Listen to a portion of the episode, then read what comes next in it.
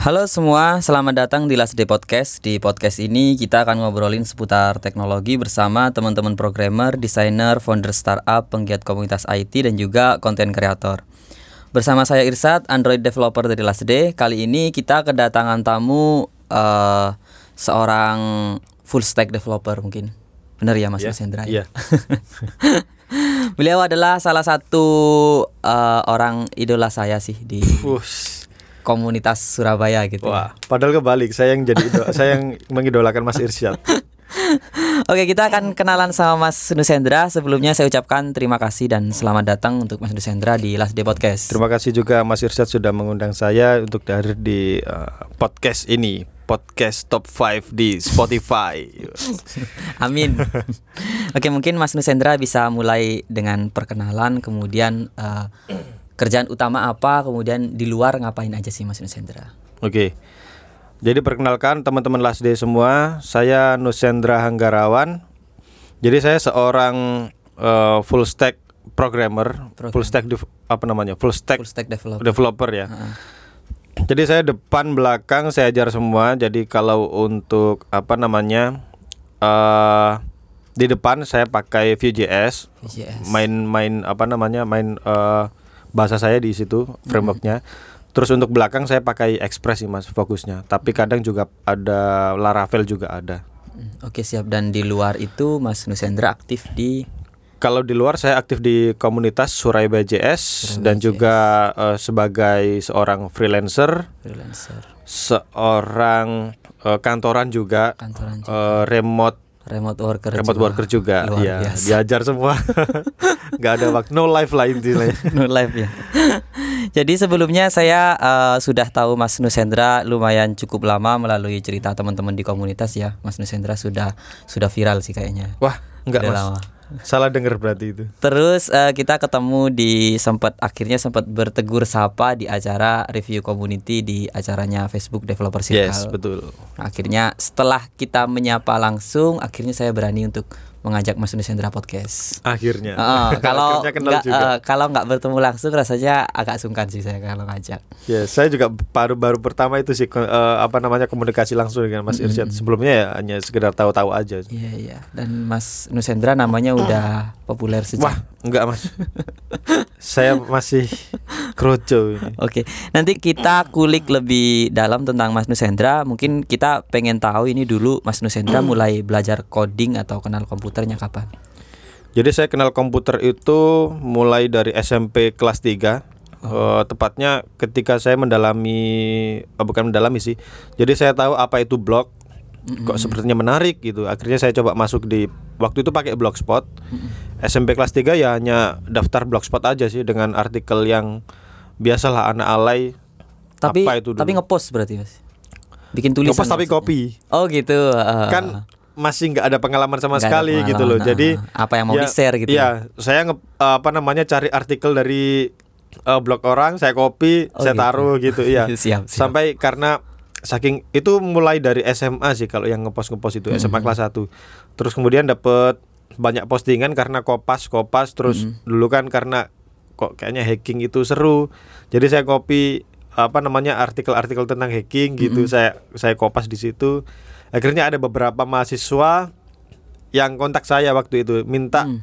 tanya tentang eh, apa namanya pemrograman eh, saya lupa pemrograman atau hacker intinya saya nggak tahu akhirnya saya bilang kalau artikel ini saya cuma ngopi Kop- gitu loh oh saya gitu. nggak tahu nggak tahu apa-apa gitu akhirnya dia ya udahlah gitu itu jadi Setelah Dulu mulai setelah jadi itu- blogger mungkin. setelah jadi blogger eh, di SMA itu akhirnya saya masuk ke SMA kelas 3 waktu itu mulai belajar WordPress WordPress. Terus kemudian ya sekedar postingan-postingan biasa. Terus kemudian eh, untuk mulai ngoding itu sebenarnya di tahun 2000 2009 hanya blogger tadi 2011. Jadi masuk awal kuliah, saya kuliah 2011 awal. 2011. Itu mulai masuk. Tapi saya masuknya di situ apa namanya pakai C Sharp. Sisap. Sedangkan di di kampus itu nggak ada nggak ada bahasan itu. Jadi ada saya itu. saya benar-benar yang nyeleneh sendiri. Jadi dari situ Setelah itu pertama kali belajar coding masuk di yaitu 2002 eh, 2011 main sisap belajar coding.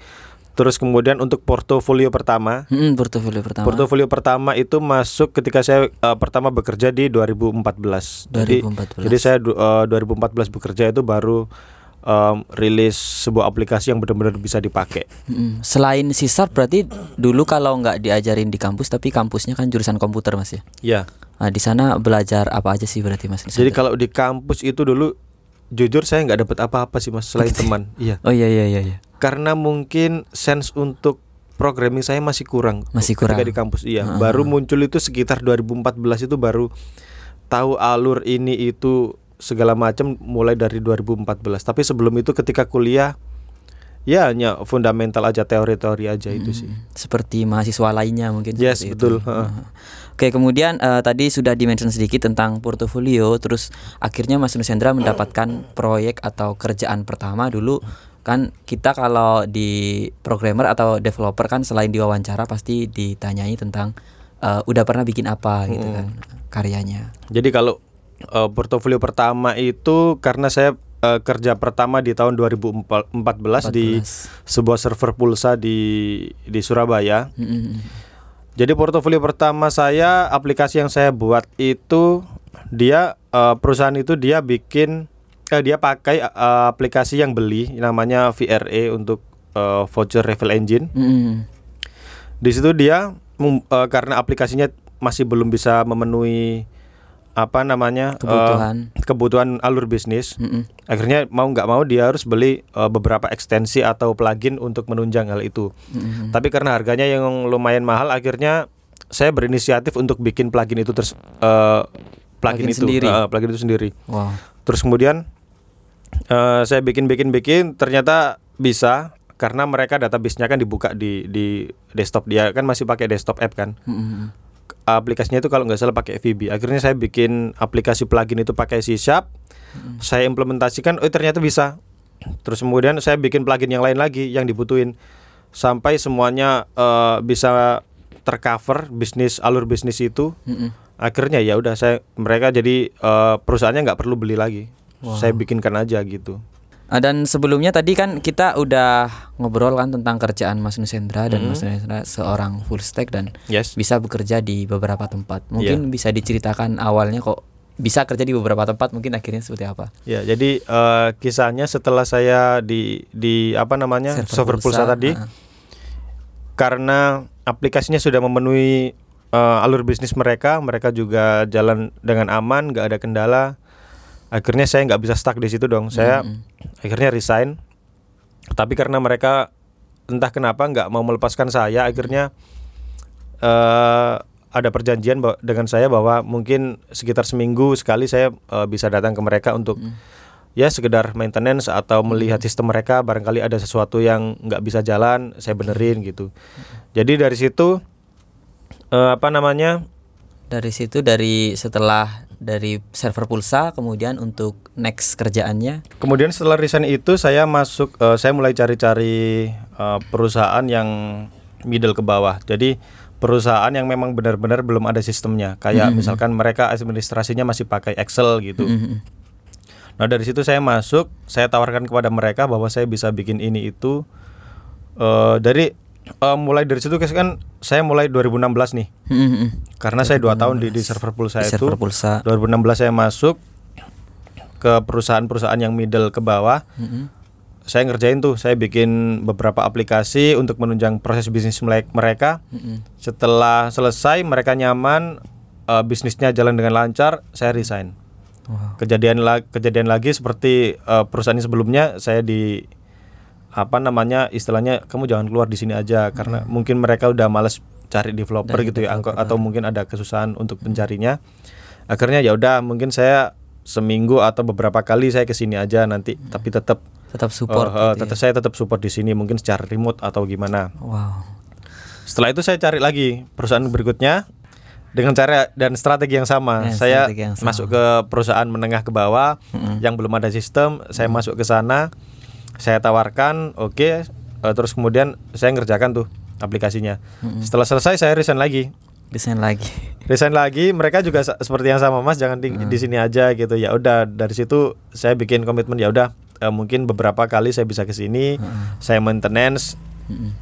Setelah itu setelah saya resign akhirnya kan saya ada passive income tuh Mm-mm. saya nggak kerja pun masih dapat Nah, mungkin yang perlu akhirnya kita pengen tahu kan eh, Mas Dusendra bisa terlibat di beberapa perusahaan bisa dikatakan seperti itu mungkin ya. Nah, akhirnya mungkin pada akhirnya sekarang di posisi Mas Nusendra job description atau daily activity-nya akhirnya seperti apa Mas? Menghandle itu semua mungkin. jadi kalau job description karena tadi yang tadi apa namanya sudah passive income Mm-mm. eh, saya masih tetap kasih apa namanya maintenance selain itu saya juga ada pekerjaan dari remote working Oke, siap. Jadi ada jadi remote juga berarti Mas. Yes, terus kemudian eh, saya ada juga kantor Mm-mm. yang di daerah Surabaya juga. Luar biasa. Jadi itu perusahaan yang sekarang saya ada di situ. Mm-mm. Nah ini nggak tahu ini nanti eh, skenario atau strateginya Ah. sama seperti yang sebelumnya Iya, iya, atau enggak iya. atau Ah. enggak saya masih belum tahu. Jadi kalau job description sendiri adalah eh, ya membuat aplikasi. Jadi apa namanya membuat software yang mana bisa mendukung proses bisnis mereka. Mm, mm, mm. Oke siap.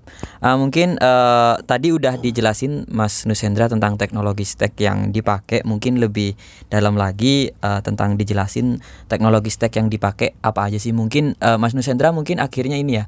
Mungkin kayak apa ada tools untuk manajemen project dengan sebanyak itu karena kalau saya sendiri rasanya dua aja udah banyak sih kalau saya kayak.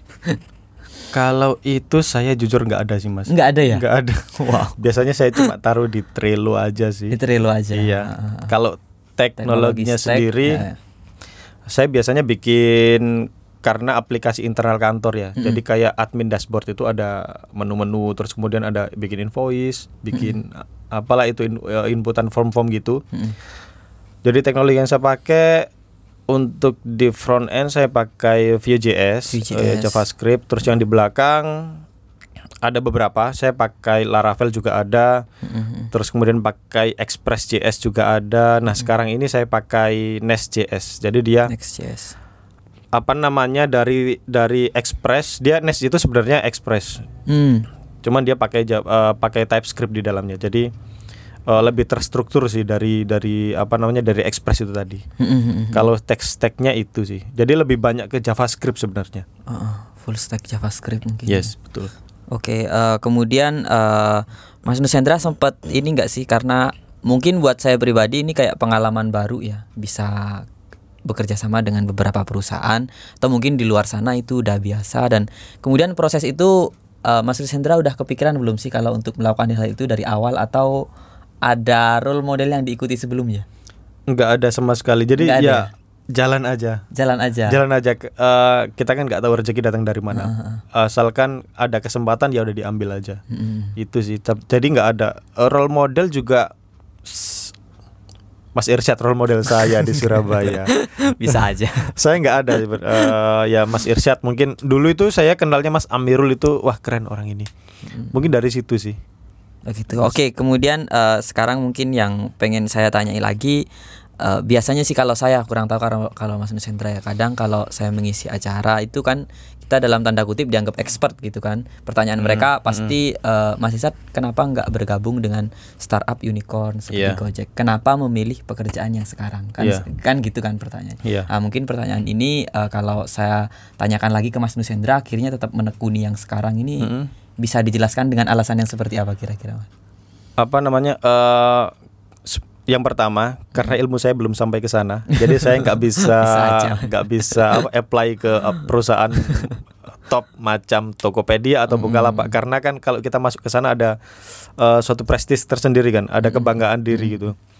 Jadi saya nggak bisa eh, ya mungkin karena ilmu saya nggak nyampe ke sana jadi saya ya udah menyasar apa namanya eh, perusahaan menengah ke bawah intinya intinya yang penting ada passive income gitu aja sih Mm-mm. S- jadi biar duit itu dia ngalir sendiri nanti yang lain kita bisa cari eh, proyekan yang lain gitu Hmm, Oke oke siap. Nah mungkin eh, dari perjalanan Mas Nusendra mulai dari mana ya? Mulai dari tahun berapa? 2016 Mas ya. Kerjaan mungkin ya. Iya kalau masuk ke dunia web saya masih baru masih baru sebenarnya Iya, 2016 sebelum- sebelumnya sih Salp sebelumnya desktop, ya desktop. heeh. Kemudian sekarang masuk web. Nah untuk teknologi yang akan dipelajari mungkin seperti apa Mas? Kalau teknologi sebenarnya masih berkutat di JavaScript, JavaScript. ya. Tapi kalau yang sudah saya pakai dan pengen saya dalami lagi itu di di TypeScript. Di TypeScript. Ya, jadi yang, yang sekarang ada di channel YouTube-nya Mas Nusendra. ya di YouTube ada TypeScript juga, eh, ada Express juga. Ada Cuman Express saya lebih mau mendalami yang eh, TypeScript itu sih. Hmm. Itu yang sudah sudah ada. Tapi kalau yang hal baru yang belum saya pelajari itu saya pakai eh saya pengen belajar Rust RUST, RUST. Lang gitu. heeh. Dan untuk teman-teman yang pengen tahu channelnya Mas Nusendra di YouTube mungkin bisa dikenalin sekalian. Ya, jadi saya ada channel YouTube. Ya, saya nggak ngejar subscriber sebenarnya. Karena ya apa ya? Semacam iseng aja sih, Mas. Yang penting saya ada ilmu saya share gitu aja biar kita ketika meninggal ada jejak digital yang Ada bisa digital. yang bisa di apa eh, bermanfaat buat orang lain gitu sih. Channelnya namanya nusendra.com sama kayak blognya. Oke, mungkin yang terakhir tips untuk teman-teman yang pengen jadi full stack developer seperti Mas Nusendra, apa yang bisa Mas Nusendra share mungkin?